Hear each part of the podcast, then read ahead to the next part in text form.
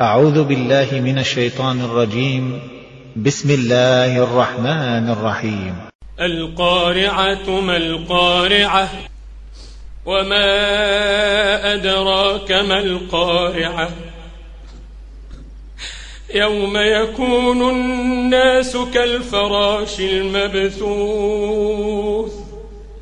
وتكون الجبال كالعهن المنفوش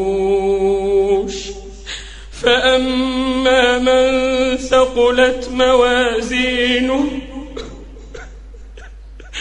فأما من ثقلت موازينه فهو في عيشة راضية.